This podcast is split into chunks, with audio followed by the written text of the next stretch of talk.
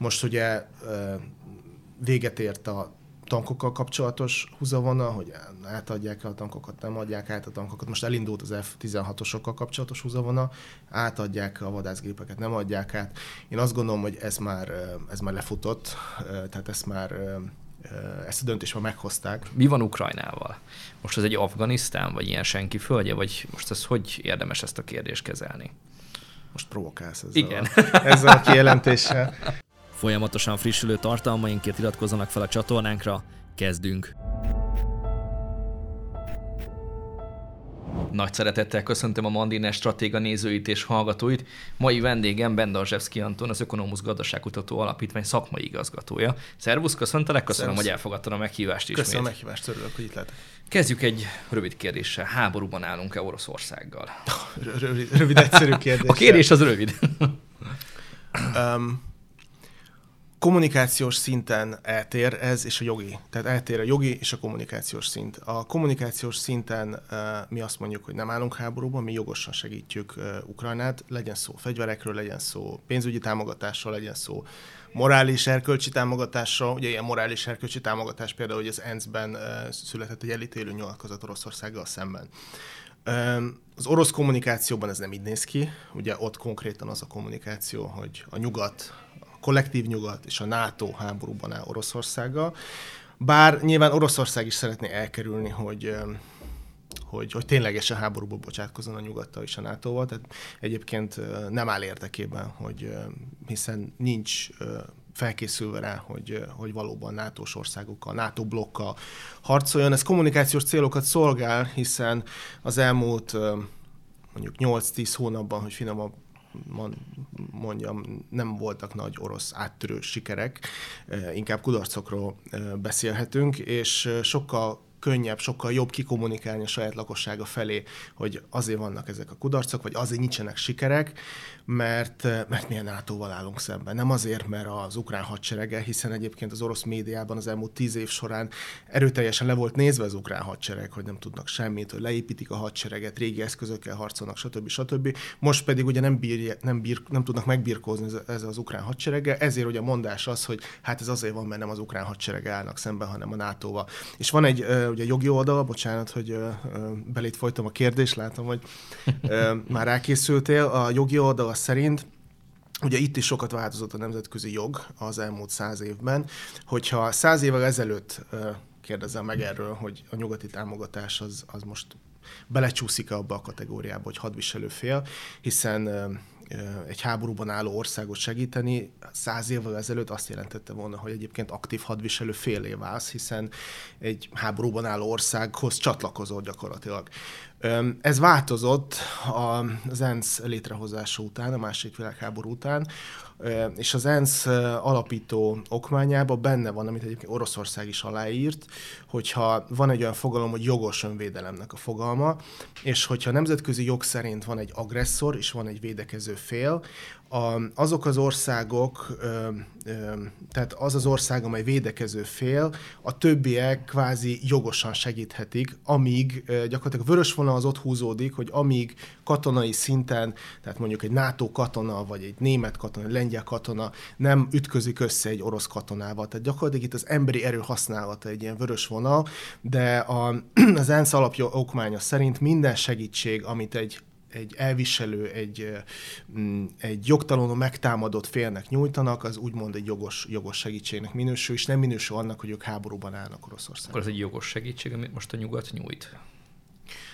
Hát ha az ENSZ alapokmányát nézzük, akkor ez egy jogos segítség. És egyébként ugye ezt azt mindenki elismeri, hogy Ukrajna hogy egy orosz agresszió történt.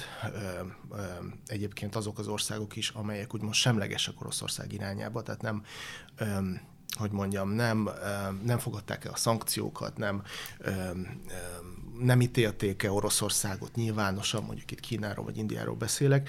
Ezek az országok is azt mondták, hogy a háborút be kell fejezni, és nem ismerik el az orosz annexiót, tehát ez, ez elhangzott, sőt, orosz szövetségesek sem, tehát mondjuk Kazaksztán vagy Belarus is.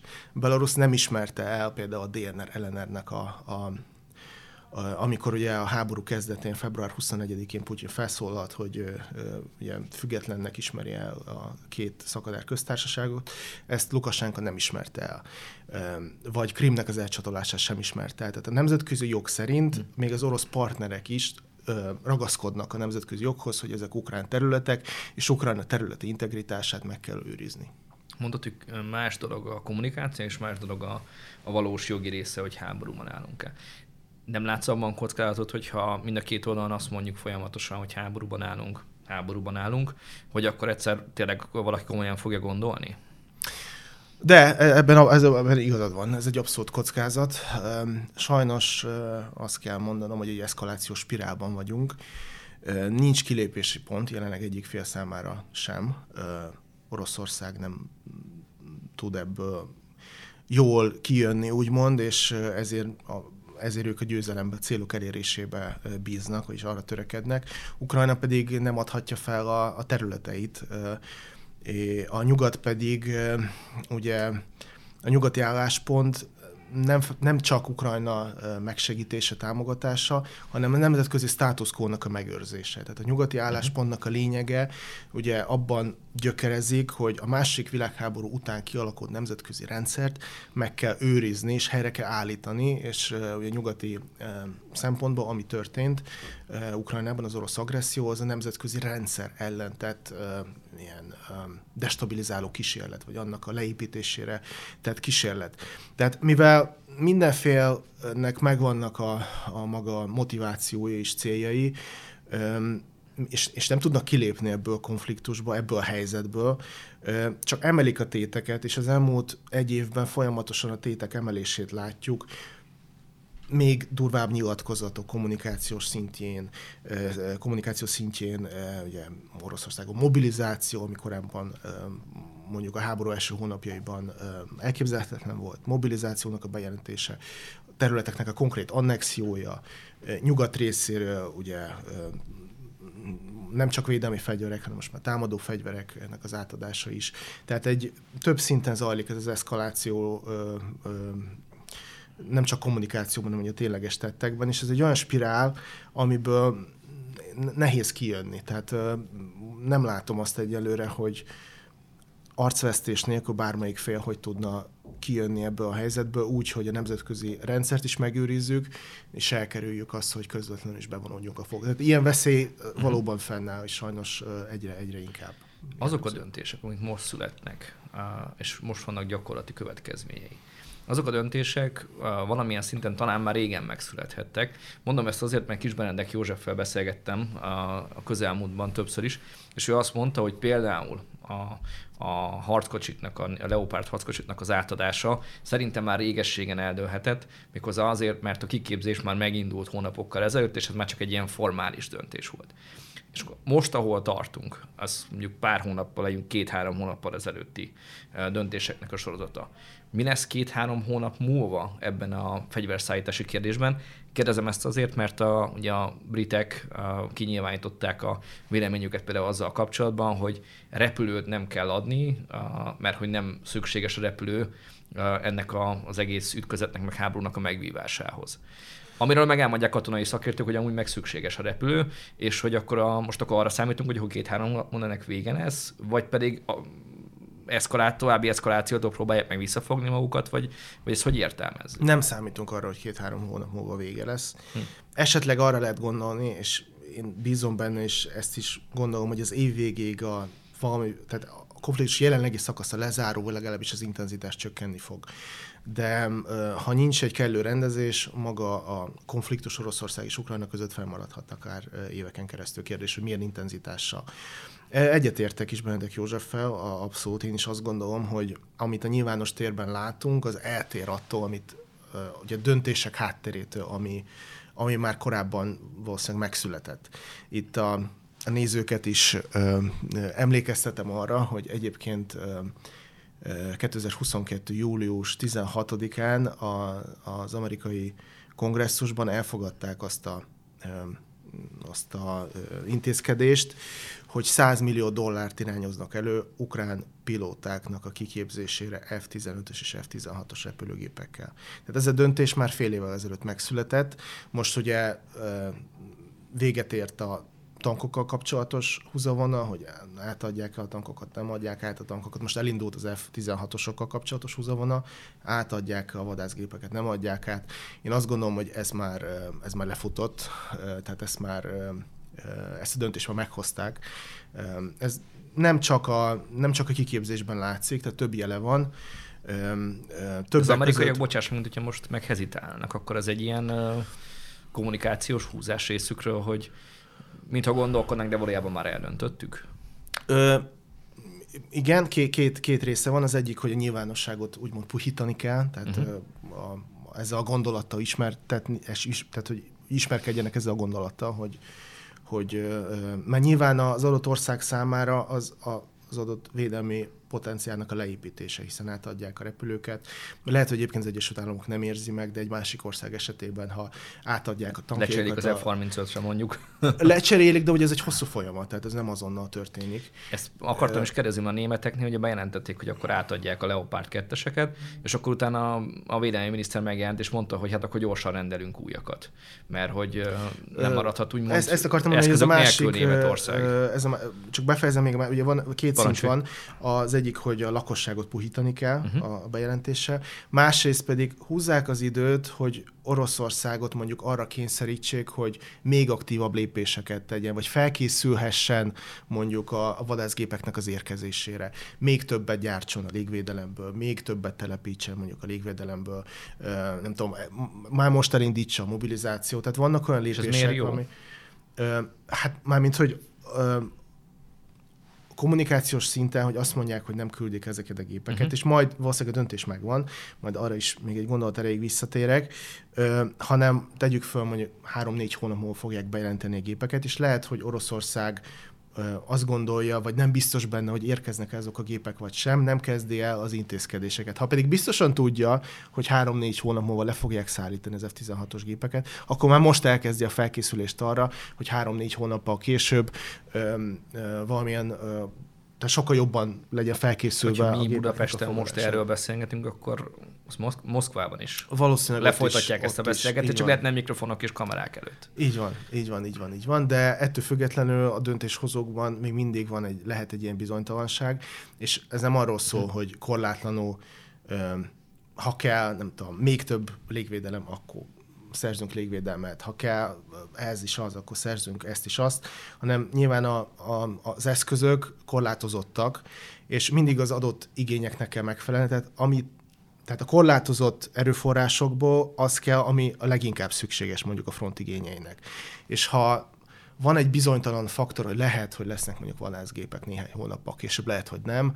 Ez egy bizonytalan faktor, nem biztos, hogy érdemes erőforrásokat költeni rá. Lehet, hogy vannak olyan más dolgok, amelyek több figyelmet, több fókuszt igényelnek, de ha biztosan tudják, hogy erre kell készülni, uh-huh. akkor, akkor nyilván jobban készülnek rá. Ez, ez egy, Mondhatjuk azt, hogy nekünk magyar szempontból ez rossz, mert azért a, az, hogy folyik egy háború a szárazföldön, részben a tengeren messze tőlünk, az egy dolog, de azért a, ezekkel a vadászgépekkel nagyon könnyű a légtérsértéseket, meg, hogy is mondjam, mellilövéseket is véghez vinni.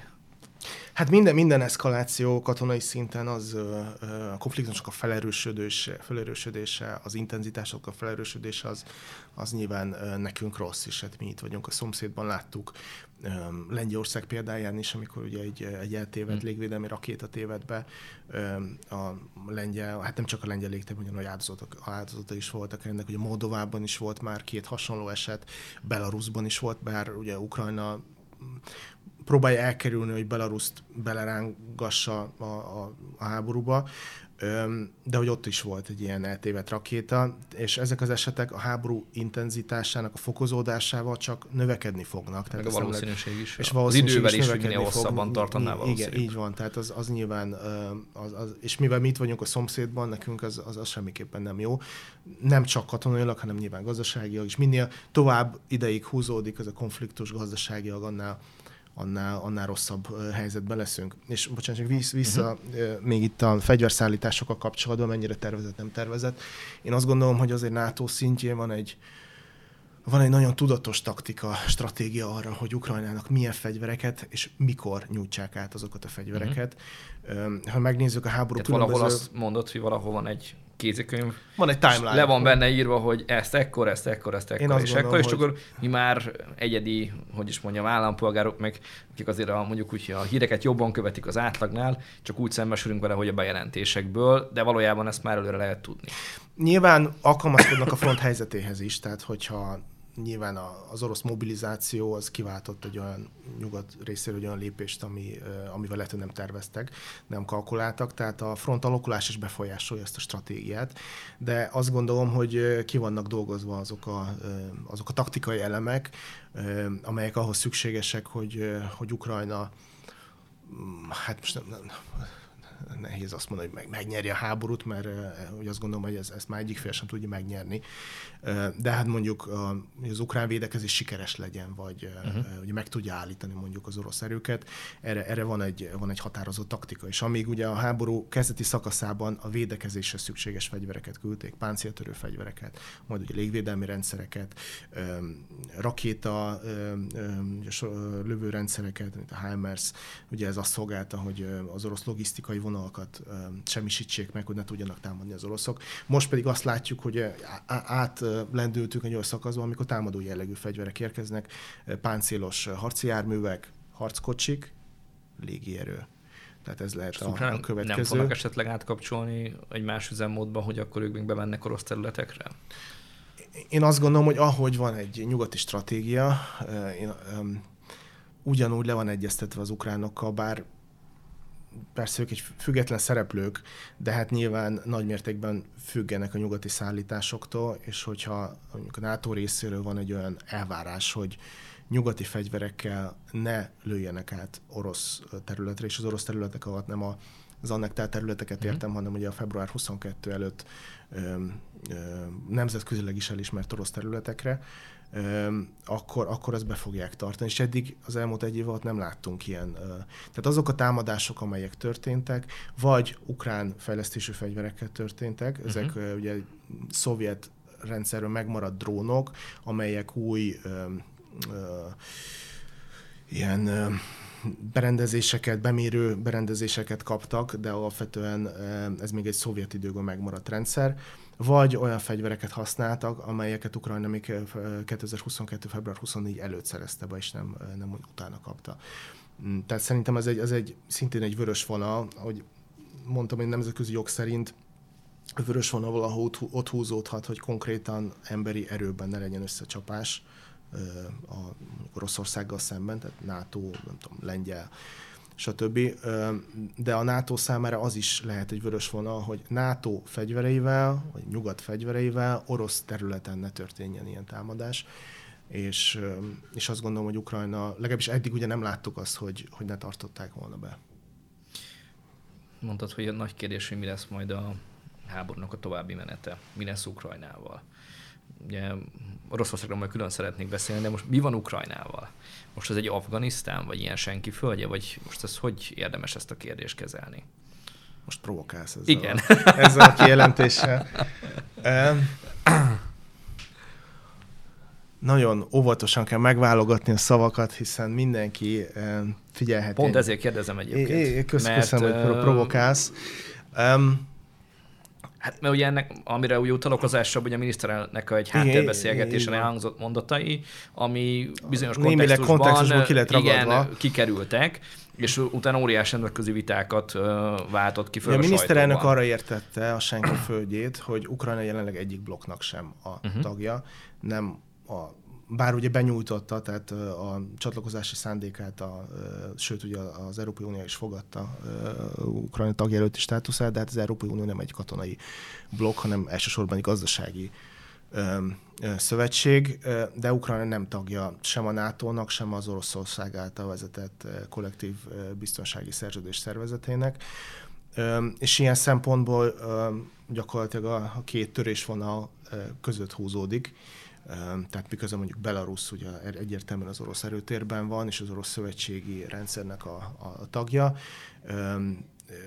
az Európai Unió keleti peremén pedig a legtöbb ország szintén ugye NATO-nak a tagja, ugye Ukrajna egyikben sincs benne, tehát én azt gondolom, hogy miniszterelnök szavai elsősorban erre irányultak, uh-huh. hogy, hogy harc folyik Ukrajnáért, persze a szereplők részéről is, de hát nyilván itt egy, van egy ukrán szándék is, hogy ők megvédjék magukat és csatlakozzanak egy olyan szövetséghez, a NATO-hoz, amely védelmet képes biztosítani számukra. Uh-huh. De minden esetre ugye a globális szereplők, tehát Oroszország, az Egyesült Államok, a NATO is ö, harcolnak azért, hogy Ukrajna, ö, ö, hogy az ukrán hozzájuk befolyásokat tartozzon. hozzájuk tartozon, így van, és, ö, és hogy ez a, ez a fajta ö, senki földje szerep semleges országnak a szerepe az, az most megváltozhat. Pont ezt akartam kérdezni, hogy ez hogy azért talán megkockáztathatjuk azt, hogy Ukrajna semleges sose volt. Uh, és hogy azért uh, vagy ide, vagy oda, de mindig azért elbillent a, a mérleg. És az oroszoknál az nem tetszett, hogy most ide billent az a mérleg. Az nem elképzelt, nem egy elképzelhető szenárió esetleg, hogy a, azt mondják, hogy akkor egy deklarált semlegesség és függetlenség és akkor a katonai blokkoktól távol maradnak, vagy pedig most már átlépték azt a vörös vonalat, és ez már lehetetlen elérni, és valahova tartozni kell.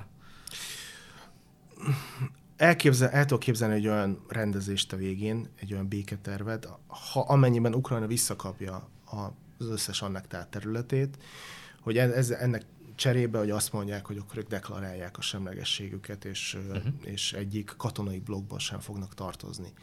De amíg fennáll annak a veszélye, hogy Oroszország a jövőben is veszélyt jelentsen Ukrajnára, vagy megszállás alatt tartja az ukrán területeket, addig Ukrajna nem fog belemenni egy ilyen semlegességbe. De hát ez hiszen, mindig fennállhat.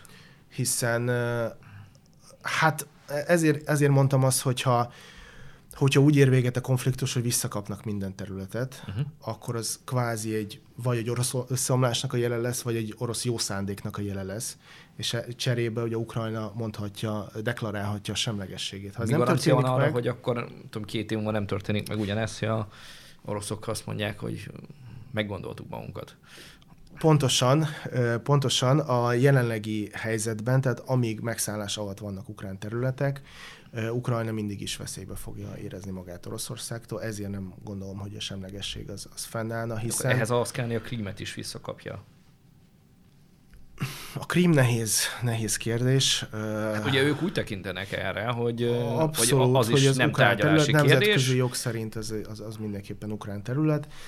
Én azért megkockáztatnám, hogy, hogy a krím az egy tárgyalási alap lehet Ukrajna mhm. számára is hogy megőrizze hosszú távon az államiságát, a területi integritását Krimen túl, és, és bebiztosítsa hosszú távon a biztonsági pozícióit. Tehát az, hogy ők hmm. nyilvános térben azt mondják, hogy a Krím az ukrán terület, nyilván nemzetközileg is ukrán terület, de ez akár ugye a tárgyalási pozíciókat is erősít. Tehát nyilván ha egyszer sor kerül tárgyalásokra, és előbb-utóbb biztos, hogy sor kerül tárgyalásokra, hiszen előbb-utóbb minden háború tárgyalóasztal mögött dől el, csak hát nem mindegy, hogy egy évvel később két évvel később, vagy Ez tíz évvel később. az ukrán vezetésnek, meg Zelenszkinek a végét, hogyha azt mondaná, hogy akkor nem, ha tartós, tárgyalási... ha tartós békét tudnak uh-huh. biztosítani, akkor azt gondolom, hogy Krimnek az elengedése az, az beleférhet. Más kérdés, hogy Oroszország számára minden más területnek a feladása, és Krimnek a tehát olyan áron, hogy megőrzik Krímet, de minden más visszaadnak,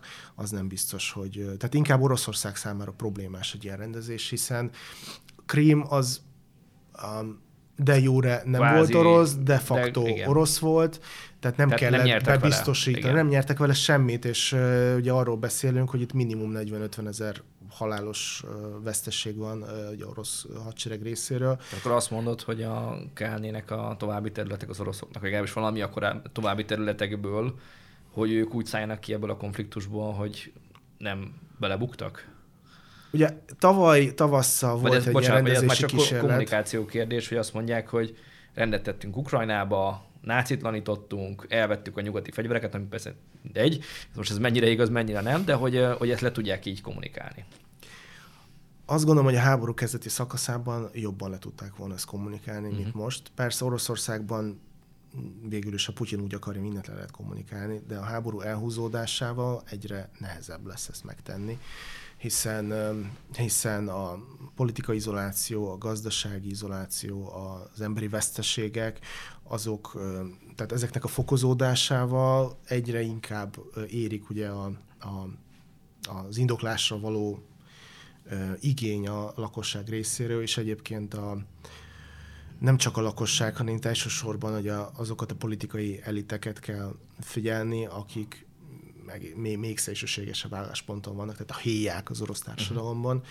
hogy, hogy mire volt ez jó, és mi, tehát az, hogy de jóra is megkapják Krím félszigetet, és Ukrajna pedig azt mondja, hogy akkor nem lép bele egyik szövetségbe sem, az azt gondolom, hogy önmagában nem egy kellően erős, erős indok. Ezért a tavaly tavasszal lezajlott tárgyalásokban egészen sok potenciál volt, mert akkor volt egy ilyen kísérlet, hogy bár a, ugye a többek között az szerepelt, hogy ugye Ukrajna nem semleges marad katonai szinten. A nyugat részéről volt egy erőfeszítés is, hogy próbálták a diplomáciai csatornákat vagy kiépíteni, vagy hogy is mondjam, megőrizni. A részéről is, és ugye Törökország is olyan aktív. Viszont Törökország továbbra sem engedte el.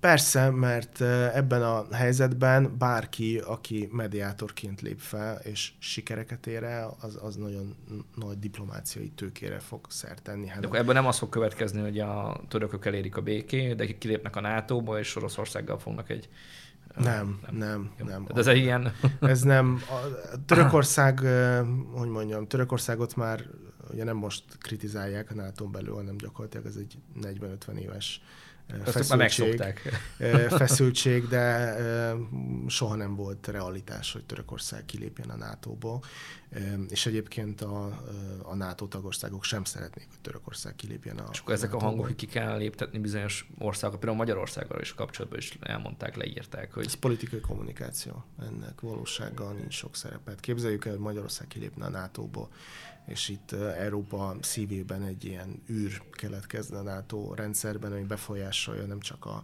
tagországoknak a védelmi kapacitását, de mondjuk a logisztikáját is.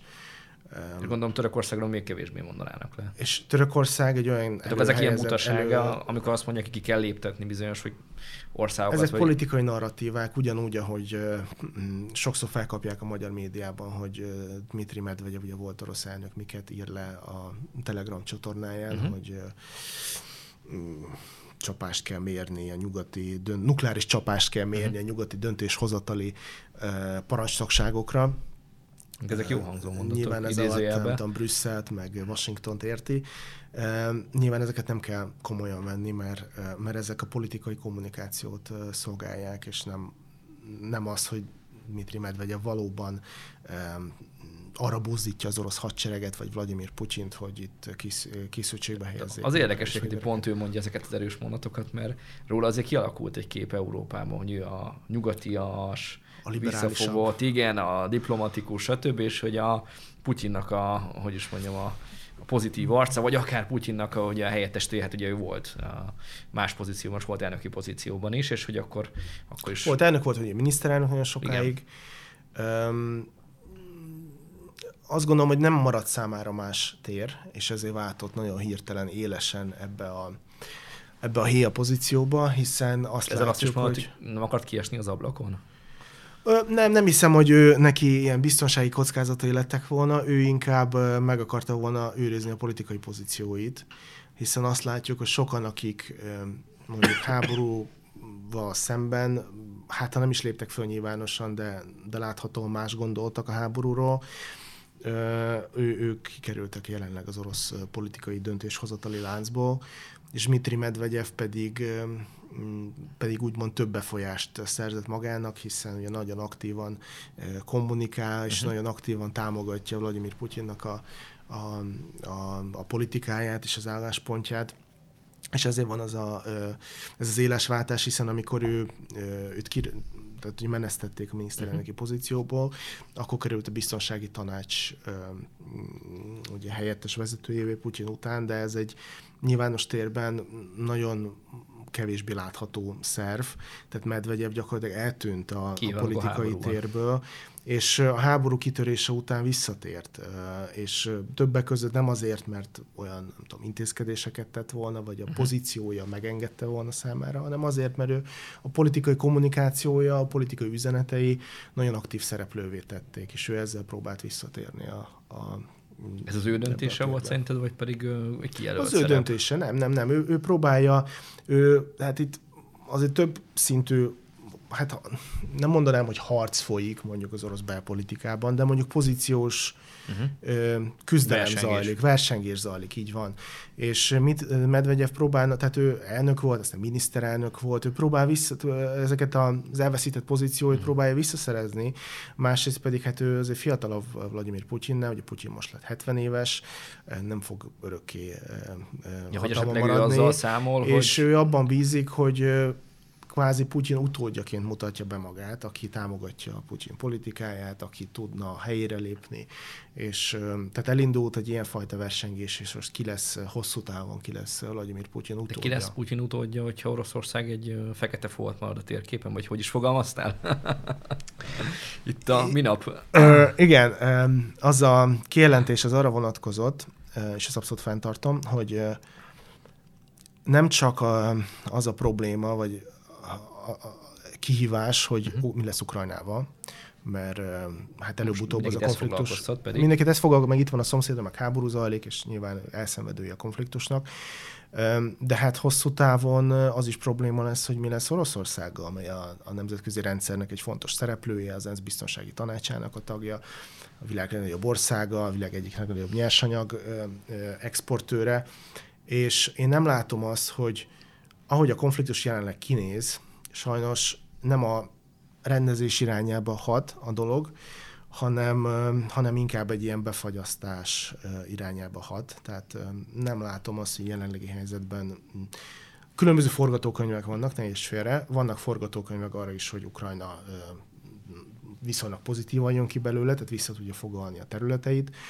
Arra is vannak forgatókönyvek, hogy Oroszország esetleg még többet hódít-e Ukrajnába arra is vannak forgatókönyvek, vagy nem tudom, az orosz rendszer összeomlik, de ezek viszonylag alacsony, ö, ö, hogy mondjam, e, e, esélyű uh-huh. forgatókönyvek. A legnagyobb, a legnagyobb ö, ö, Valószínűség. valószínűségű forgatókönyv az, hogy a konfliktusnak az intenzitása fokozatosan csökkenni fog, és egy valós rendezés nélkül inkább befagy az egész egy mondjuk a jelenlegi frontvonalak mentén, vagy ameddig uh-huh. éppen eljutnak a felek.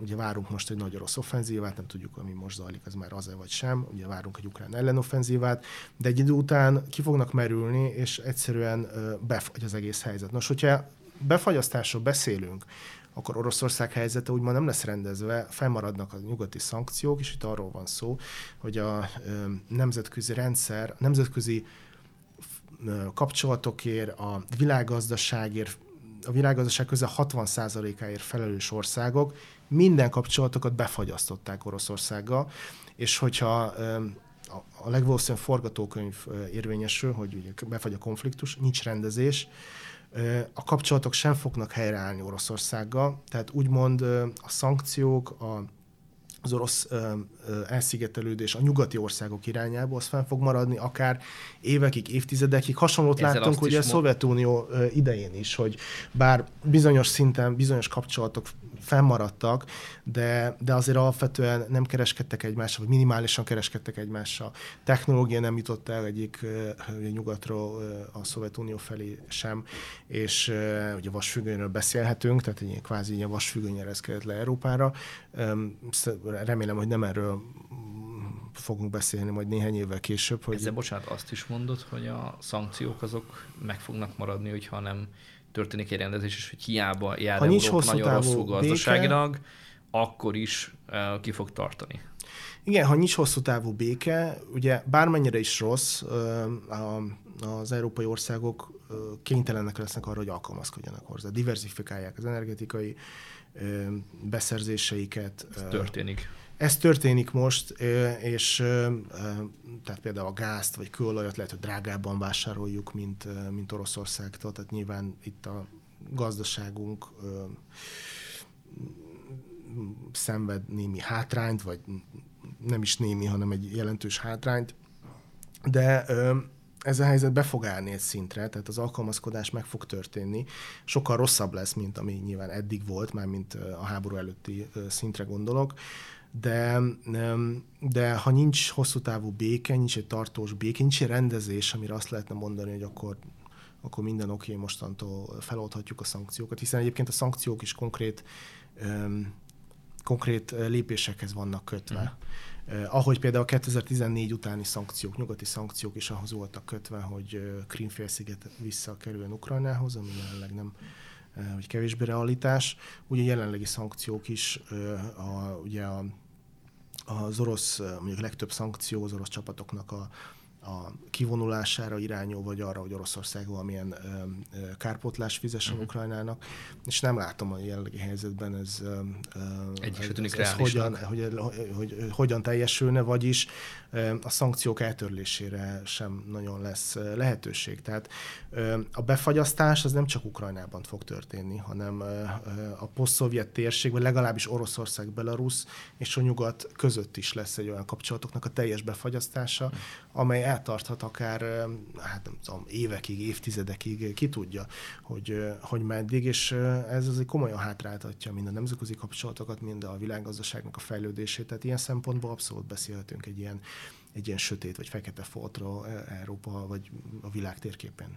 És Ukrajna kék folt lesz, értem ezt úgy, hogy EU tag, ugye most itt egy nappal vagyunk a EU, Ukrajna EU csúcs előtt, ahol azért merész állítások is elhangzottak itt az ukrán részről is, bizonyos európai politikusok részéről is, hogy majd itt két éven belül Ukrajnát. Aztán Ukrajna gyorsan a bizottság, illetve hát egyébként a, nyilván a különböző tisztségviselők, de azt hiszem talán a politikon keresztül azért picit beárnyalták ezt a dolgot, hogy az erre ne számítsunk. Az egy hosszú folyamat lesz, tehát uh, itt elsősorban hogy a tavaly... Lesz hosszú folyamat zajlik uh-huh. jelenleg az ukrán tagsággal kapcsolatban. De és lesz tag szerinted valaha?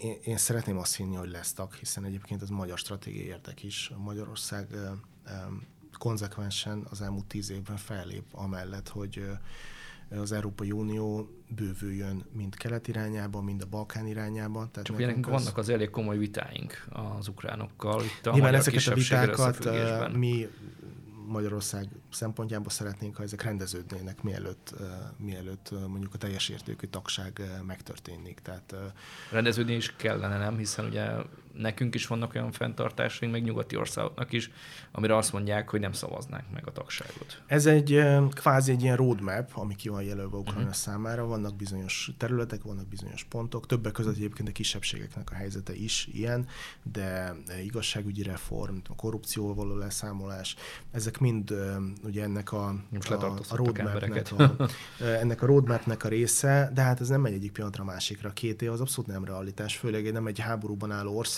számára, ahol ugye jelenleg, és egyébként ez abszolút érthető, hogy háború alatt mondjuk a média az nem hogy mondjam, nem úgy funkcionál, ahogy ezt az európai társadalomban ö, ö, megszoktuk, mert nem, mm, mondjuk nem beszélhetünk teljes mértékű sajtószabadságról, mert, mert háborús viszonyok mellett... Lényegében egy háborús propaganda, hogy is mondjam, folyamat be kell kalkulálni.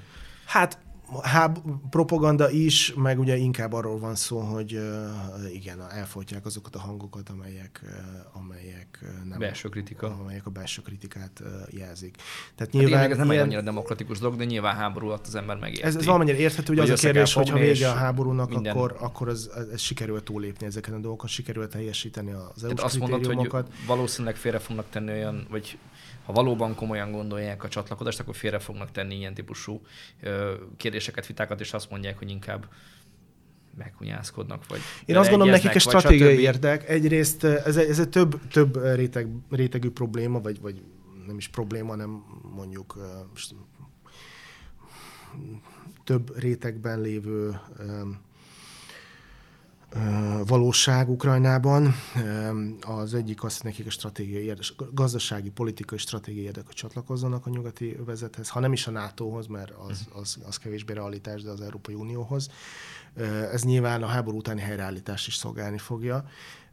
És ez némileg egy hogy mondjam, egy adót ad a politikai vezetés kezébe, mert az ukrán viszonyok ugye nagyon ugye sokat beszélnek az oligarchikus viszonyról, hogy az adott oligarch, az adott klán hogyan befolyásolja, ugye beszélhetünk, nem tudom, Dnipropetrovszki klánokról, Donetszki klánokról, eh, hogyan mozgósítják a saját szavazóikat, a saját befolyásaikat, hogy beleszóljanak a, az ukrán politikai életbe. És ez, Igen, és voltak ez... most olyan cikkek is, hogy a meg nem mondom hirtelen azt a, a pénzembert, akit aztán most letartóztattak, hogy elkezdtek vizsgálni. Ö, vizsgál, a Kolo, Kolomojszki, Igor Kolomojszki a igen, és ő volt aztán talán, aki a Zelenszkit Zelenszkinek az egyik, az egyik támogatója volt, így van. Tehát az ukrán politika rendkívül komplexnek mondható volt. Nem egy előtt. nyugati típusú. Nem teljesen nyugati típusú, nem is egy orosz típusú, uh-huh. ahol egy, egy erősen központosított rendszer van Ukrajnában. Valahol nagyon, a kettő között képzeljük el? Hát inkább az, hogy nagyon sok szereplő volt, amelyek a gazdasági súlyuk révén erősen beleszóltak a, a politikai viszonyokba. És és a nyugati csatlakozás, az Európai Uniós elvárások lehetőséget adnak a politikai elitek körébe, hogy egyszer is mindenkorra leszámoljanak ezekkel az oligarcha csoportokkal és hm. ezekkel a klánokkal, hiszen azt lehet mondani, hogy ezeket kell teljesíteni, most már nincs mellébeszélés, van x évünk arra, hogy teljesítsük a feltételeket, rendezzük nem tudom, a média helyzetét, az oligarchákat kizárjuk, kizárjuk a hatalomból, vagy kizárjuk abból kizárjuk annak a lehetőségét is, hogy beleszóljanak a, a, a, a, a de nem csak ugye a gazdasági uh-huh. életre, hanem a politikai életre. Tehát ennek a többszintűségnek vannak ilyen hozadékai is, hogy hogy ez kvázi egy mandátum, az uh-huh. Európai Uniós tagság egy mandátum a politikai vezetés számára, hogy drasztikus, sokak számára fájdalmasnak fogadott intézkedéseket keresztül vigyenek. De ugye az volt a kérdésed, hogy milyen folt lesz, kék folt lesz uh-huh. Ukrajna. Én azt gondolom, hogy az EU-s tagság egy béke rendezés, egy hosszú távú béke rendezés nélkül nem realitás. Uh-huh. Tehát ugye különböző forgatókönyvek vannak, ha, ha befagy a konfliktus, és arról beszéltem, hogy sajnos uh-huh. jelenleg ez a bár ugye arról is beszéltünk, hogy előbb-utóbb minden konfliktus felolvad, tehát Uh, ugye ott lehet, hogy évtizedek alatt, de... Lehet, hogy évtizedek, ott van például a hegyi Karabach, amely um, gyakorlatilag 91-92-től volt befagyasztva, és um, Azerbajdzsán kellő számú szövetséges és kellő számú katonai eszközt és forrásokat gyűjtött ahhoz, hogy egyszer is mindenkor eldöntse ezt a konfliktust a maga javára, és úgy tűnik, hogy, hogy hegyi Karabachnak a helyzete Azerbajdzsán szempontjából, hát Örményország kárára, de eldőlt. Tehát ezek, ezeknek a, tehát a, a, azért befagyasztott konfliktus, mert előbb-utóbb kifajt. Tehát minden esetre Ukrajnához visszatérve, a, a legvalószínűbb forgatókönyv, ha történik valamiféle befagyasztás, akkor sajnos az, az sem Ukrajnának nem jó, sem nekünk nem jó, hiszen itt lesz mellettünk egy olyan állam, amelynek a, a biztonsága nincs hosszú távon rendezve, bármikor megújulhat a konfliktus. Az ország gazdasági helyreállítása éppen ezért nem fog megindulni, hiszen hiszen ugye befektetők is, a piaci szereplők is tartani fognak attól, hogy ugye minek fektessenek be pénzt. Pont hogyha... ezt akartam visszakerezni, az egyértelmű, hogy Ukrajnának érdeke az EU-s tagság, de az Uniónak érdeke Ukrajna tagsága, főleg úgy, hogy eléggé szét van bombázva most már. Abszolút érdekel Ukrajna tagsága, hiszen egyrészt egy nagy piacról beszélünk, tehát itt egy 40 milliós országról beszélünk, legalábbis békeidőben. Hát Igen. Mennyien vándoroltak ki, mennyien, mennyien térnek vissza, az megint egy más kérdés. Azért a, a jugoszláv háború is uh-huh. példát szolgáltat arra, hogy a lakosság egy jelentős része az visszatér előbb, előbb-utóbb. Főleg, hogyha egyébként a gazdasági viszonyok is rendeződnek. Tehát a, a Európa másik legnagyobb országa, vagy Oroszország után, és egy jelentős lakosság országa, amely egyébként a természeti erőforrásaiban Európa egyik leggazdagabb országa hmm. tudna lenni. Mármint természeti erőforrásaiban az, de hát ugye gazdaságilag inkább az egyik legszegényebbek között van. De Ukrajnának mindene megvan, ami felemelheti, vagy gazdaggá teheti, hogyha, hogyha politikailag is rendeződnek a viszonyok, és ugye érkezik a tőke, akkor egészen, egészen magas szinteket tud elérni az ukrán gazdaság. Itt arról beszélünk, hogy Európa leggazdagabb termőföldjei koncentráció szerint Ukrajnában vannak. Ugye szén lelőhelyek, uránium lelőhelyek, vannak jelentős gázlelőhelyek egyébként, ritka fémek, tehát itt nem véletlen, hogy a háború után a logisztikai láncoknak, ugye termel, az európai gyártásnak, termelésnek a bizonyos ugye, termelésnek a bizonyos részei egyszerűen megálltak, vagy felbomlottak, mert ugye sok Az a várakozás esetleg, hogy onnan pótolja Európa azokat a kieséseket, amit Oroszországgal való feszültség. Hát vagy többek között, tehát Európának a nyersanyag igényét uh-huh. többek között Ukrajnából is ki lehetne elégíteni. Másrészt ugye a mezőgazdaság. És az amerikaiak nem fogják be nyújtani ugyanúgy a számlát, hogy azt mondják, hogy gyerekek adtunk ennyi pénzt, akkor hagyjunk már mi is, és hogy járjunk már kicsit mi is jól el lehet képzelni. Hát amerikaiak most attól függ, hogy uh, milyen szinten beszélsz központiak, nem tudom, Washington, nem hiszem, hogy ilyen fajta számlát fog benyújtani, de amerikai cégek... Nem a Biden gondolom, család, vagy amerikai, ilyesmi. Hát, igen, ebben nem akarok bele, belemenni, de, de abszolút, persze, hát háború után itt egy pozícióharc is zajlani fog, hogy egyébként a nemzetközi szereplők, uh-huh. tehát elsősorban vállalatok, cégek milyen szeletét tudják kihasítani maguk, milyen szeletet tudnak kihasítani maguknak Ukrajnából. Uh-huh. Nyilván az mondhatjuk azt is, hogy Ukrajnának ez rossz, hiszen az ő nemzeti kincseiket, az ő pozícióikat, tehát az ő hazai pozíciójukat rengetik meg, vagy veszik el. De hát másrészt valamiből helyre kell állítani az országot, és ha ennek ez az ára, akkor, akkor ebbe bele, bele fognak menni. Tehát a, egyébként igen, és már mennyire rosszul hangzik, hát nekünk is egyébként ez egy jó stratégia lenne, hogy arra törekedjünk, hogy, hogy mi is pozíciókat kapjunk erre ebben a háború utáni Ukrajnából, ahol magyar cégek is egyébként ugye részt tudnak venni, és, és vezető pozíciókat tudnak szertenni. Tehát akár egy, nem tudom, magyar Móra vagy OTP-re gondolok, amely egyébként aktív a, a régióban, de magyar építőipari cégek, magyar mezőgazdasági cégek, azok abszolút aktív szereplőivé tudnának válni ennek a, a háború utáni Ukrajnának. Nyilván a feltétel az, hogy, hogy, hogy tartós béke szülessen, és nem egy, nem egy befagyasztás, nem egy, nem egy fegyverszünet. A, és ahogy említettem, az EU-s tagság is azt gondolom, hogy többek között ettől ezen is múlik. Hát amíg, amíg ez, egy, ez egy felfüggesztésben lévő helyzet, addig, addig nem gondolnám azt, hogy, hogy Ukrajnának reális esélye van az EU-s tagságra ide tesszük a pontot, vagy a pontos feszőt. Bendarzewski Anton, nagyon szépen köszönöm, és köszönjük szépen a Mandine nézőnek és hallgatóinak, hogy követtek bennünket, kövessenek bennünket továbbra is. Ha tetszett a videónk, iratkozzanak fel a csatornánkra, és kövessék a Mandinert minden lehetséges fórumon.